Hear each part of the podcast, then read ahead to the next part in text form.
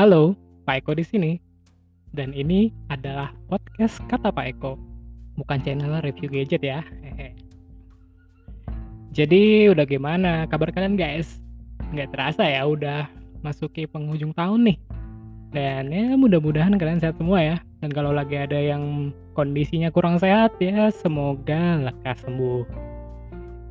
Biar bisa tahun baruan, ya biarpun kondisi lagi pandemi gini ya, tetap jaga protokol kesehatan.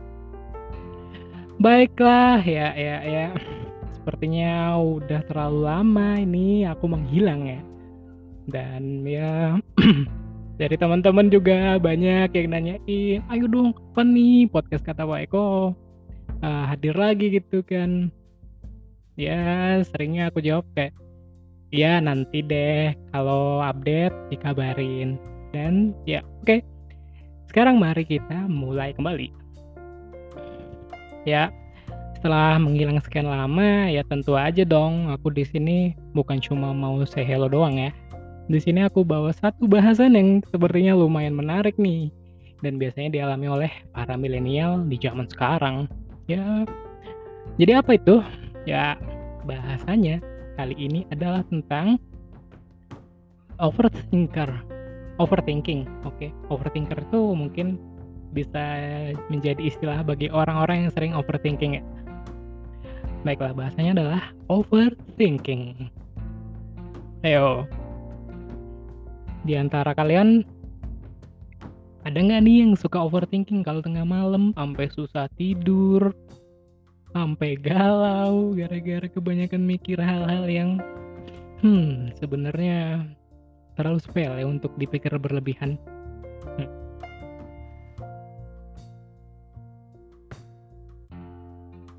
Jadi di sini coba kita mulai dulu dari apa sih itu overthinking? Oke, okay, let's go.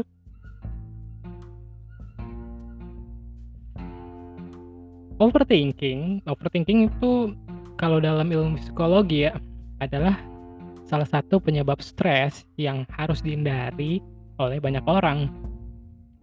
Istilah ini sering digunakan untuk mereka yang terlalu banyak berpikir atau berpikir secara berlebihan.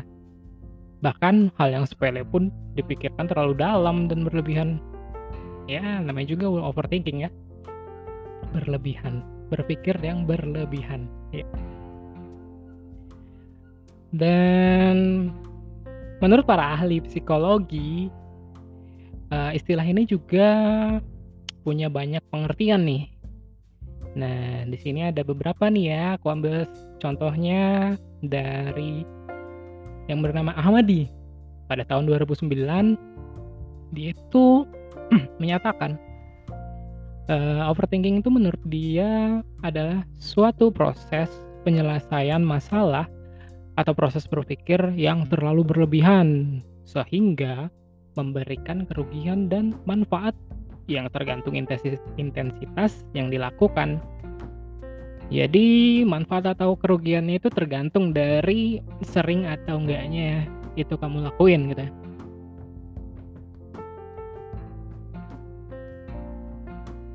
Kemudian ada Helmon pada tahun 2014. Overthinking itu sebagai salah satu distorsi kognitif mengenai perilaku atau kebiasaan yang bermasalah. Distorsi kognitif tersebut umumnya karena reaksi emosional seseorang sebagai tanda bahwa pemikirannya kurang rasional. Ya, begitulah kalau menurut Helmon ya. Lalu ada satu lagi menurut Burn pada tahun 91. Saat, ya. Cukup lama juga ya, tahun 91. Kalian udah pada lahir belum? Akal aku sih belum.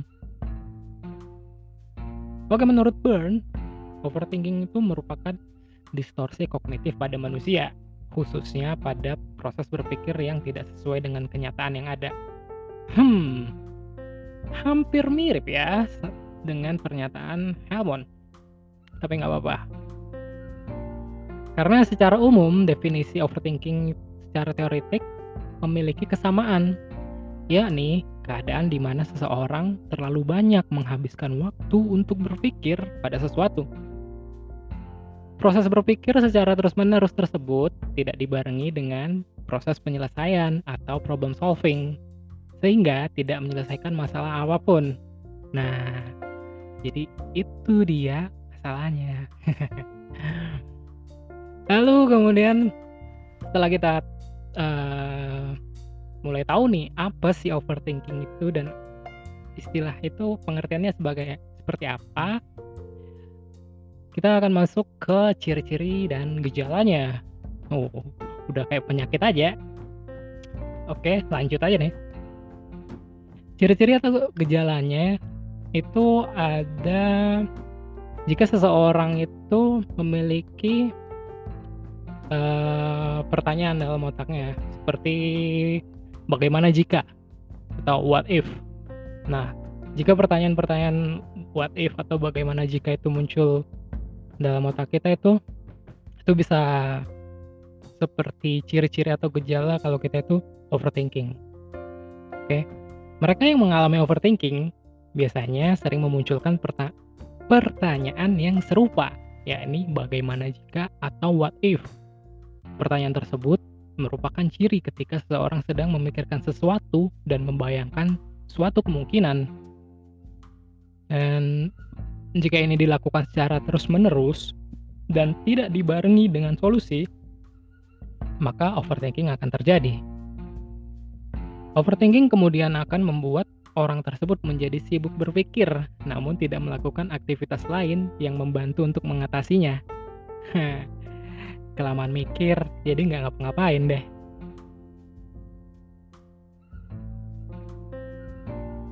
Kemudian ada yang selanjutnya yaitu memikirkan banyak hal sekaligus. Oke. Selain memikirkan sesuatu secara berlebihan, ciri overthinking lainnya adalah memikirkan hal memikirkan banyak hal sekaligus. Hal yang dipikirkan biasanya merupakan kemungkinan-kemungkinan yang akan terjadi jika melakukan suatu perbuatan. Dengan memikirkan banyak hal sekaligus, terutama konsekuensi atau kemungkinan dari perbuatan dan aktivitas yang hendak dilakukan, maka seseorang tidak akan segera bertindak, sebab dia masih terjebak dalam proses berpikir apakah dia memang akan melakukan perbuatan tersebut atau tidak. Hmm.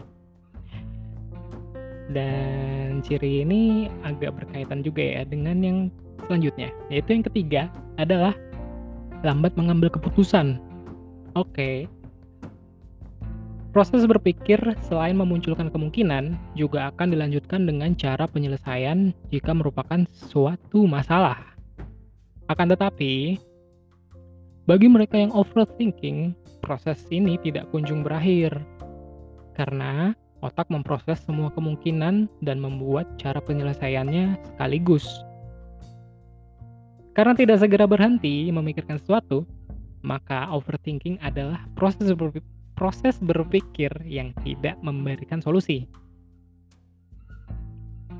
Di dalam kondisi ini, mereka yang overthinking merupakan sosok yang lambat dalam mengambil keputusan, sebab ia akan menghabiskan waktunya untuk berpikir tanpa segera bertindak. Nah kan, makanya jangan kebanyakan mikir. ketua nanti lo. Hmm, canda. Oke selanjutnya adalah membuat sesuatu menjadi rumit. Hmm. Overthinking adalah proses berpikir secara berlebihan yang menghabiskan banyak waktu. Ya itu udah terjawab di gejala yang sebelumnya lalu kenapa sebab seseorang yang mengalami overthinking akan membuat sesuatu yang sederhana menjadi makin rumit ya ini karena mereka selalu berpikir dengan hati-hati dan memastikan semuanya berjalan sesuai rencana, termasuk kemungkinan masalah yang akan terjadi dan cara mengatasinya. Ya. Lalu akan tetapi proses berpikir ini tidak menghabiskan waktu yang sebentar, bahkan membutuhkan waktu yang lama. Untuk melakukan aktivitas paling kecil sekalipun, kamu akan memikirkan berbagai kemungkinan yang akan terjadi baik masalah, solusi untuk menghadapinya, serta kemungkinan lain yang membuat kamu tidak segera bertindak.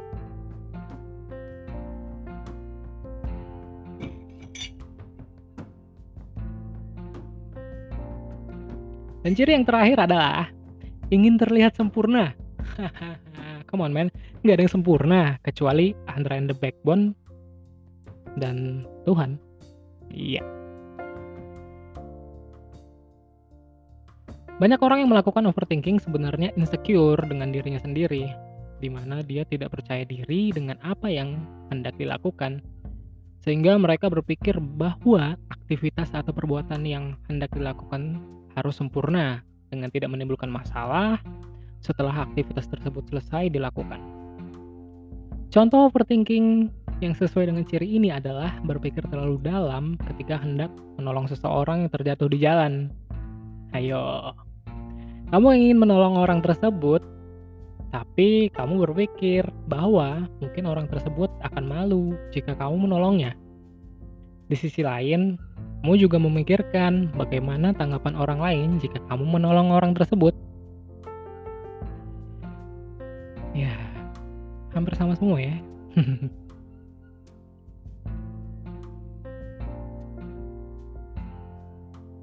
Oke, setelah ciri-ciri dan gejalanya, sekarang kita masuk ke jenis-jenis overthinking. Yang pertama adalah overthinking masa depan. Hmm, Siapa sih yang gak pernah mikirin masa depannya bakal kayak gimana? Ayo siapa? Kayaknya nggak ada deh kan. Pasti semua pasti mikirin mau kayak gimana masa depannya gitu. Apa yang mau dilakuin gitu. Mau sama siapa masa depannya? Eh, ilah. Oke deh. Overthinking masa depan. Salah satu jenis overthinking yang sering dilakukan tanpa sadar oleh seseorang adalah terlalu memikirkan masa depan. Masa depan yang dianggap sesuatu menakutkan karena berisi kemungkinan dan ketidakpastian. Iyalah, emang Mbah Dukun bisa ngeramal masa depan. Untuk menghadapi masa depan, sebaiknya kamu tidak hanya berpikir, namun juga melakukan action atau usaha untuk menggapainya. Ya, usaha, usaha, usaha, kerja, kerja, kerja. Ya. lanjut ke jenis yang selanjutnya. Ada itu ada overthinking pendapat orang lain. Ya maksudnya kamu overthinking terhadap apa pendapat-pendapat orang lain yang disampaikan kepada kamu gitu. Jenis overthinking ini adalah terlalu memikirkan pendapat orang lain serta mencoba menebak apa yang mereka pikirkan Nah, jika ini dilakukan secara berlebihan, tentu kamu akan menghabiskan waktu untuk memikirkan setiap tindakan yang dilakukan, apakah sesuai dengan pendapat orang lain atau tidak. Oke, okay. come on man, hidup ini nggak melulu tentang pendapat orang lain kan. Hidup ini kan ya punyamu sendiri. Next ke jenis yang selanjutnya ada overthinking detail. Hmm, apa tuh? Overthinking adalah proses berpikir yang dilakukan secara terus-menerus dan memberikan dampak negatif, baik secara psikis maupun mental. Mereka yang overthinking terhadap detail akan rugi karena mempertimbangkan sesuatu sampai ke detail-detailnya. Ini akan berdampak negatif, apalagi jika kamu mengalami kecemasan berlebih setelahnya. Oke.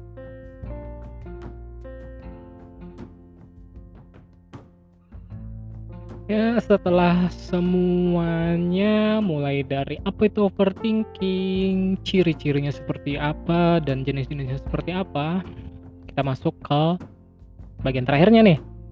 Penyelesaiannya. Karena di sini aku nggak cuma pengen ngebahas apa itu overthinking, tapi juga aku pengen mencoba memberikan solusi atau penyelesaiannya biar teman-teman ya terserah sih mau dicoba atau enggak itu kan ya terserah kalian ya.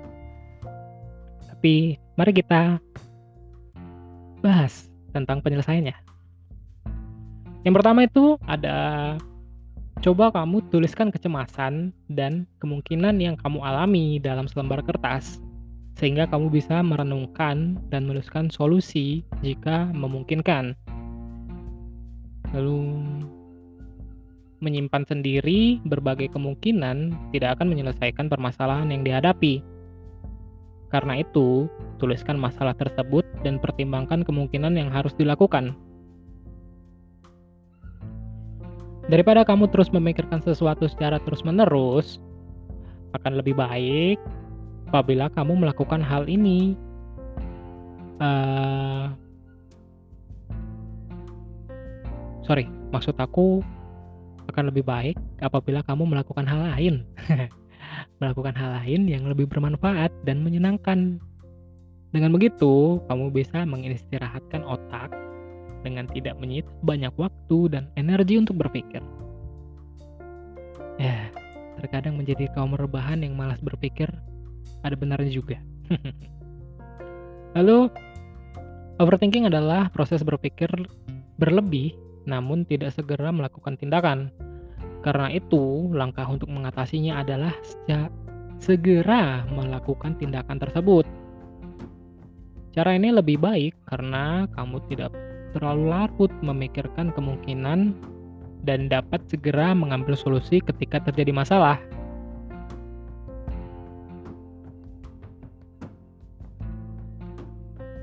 Kemudian, overthinking adalah kebiasaan yang kurang baik karena bisa memberikan dampak yang negatif bagi kesehatan mental. Ia menjadi penyebab utama seseorang mengalami insecure dan kecemasan berlebih. Untuk itu, sebaiknya kamu mulai berhenti melakukan kebiasaan ini sedini mungkin. Ya, dengerin, sedini mungkin. Jangan besok-besok. nah, itu kan menurut para ahli psikologi ya. Kalau menurut Pak Eko sendiri, apa sih penyelesaiannya? Cukup simpel sih sebenarnya kalau menurut Pak Eko. Penyelesaiannya bisa seperti mencoba untuk memaafkan setiap orang yang berinteraksi pada kita di hari itu, baik apa yang telah dilakukan orang-orang itu dan apa yang diucapkan orang-orang itu. Lalu, cobalah untuk memaafkan keadaan yang sedang terjadi. Seperti keadaan yang sekarang ini. Kan sekarang lagi pandemi ya mungkin banyak banget uh, plan-plan teman-teman yang akhirnya gagal gitu karena kondisi yang lagi seperti ini. Nah, mungkin karena kondisi seperti ini jadinya teman-teman banyak yang overthinking. Karena itu cobalah memaafkan keadaan yang sedang terjadi. Dan yang terakhir, cobalah untuk memaafkan diri sendiri. Ngerti kan? Nah, cobalah memaafkan diri sendiri karena setiap manusia itu terlahir dengan kelebihan dan kekurangannya masing-masing. Kita harus terus mencoba, kita harus terus berusaha, kita harus terus belajar untuk menjadi manusia yang lebih baik lagi. Dan hmm, apalagi ya mungkin kalau teman-teman ada yang mau bertanya mungkin ya atau mengirimkan sesuatu atau ingin ada yang menyarankan bahasan-bahasan menarik lainnya ya mungkin bisa aja langsung DM ke Instagramnya kata Pak Eko ya. Dan jangan lupa di follow pokoknya Instagramnya itu kata at eh sorry uh, username-nya at kata underscore pak underscore eko. Ya pokoknya cari aja lah kata pak eko gitu di Instagram. Dan langsung DM deh kalian pengen bahasan apa lagi selanjutnya? Nanti kalau menarik aku bakal bahas deh.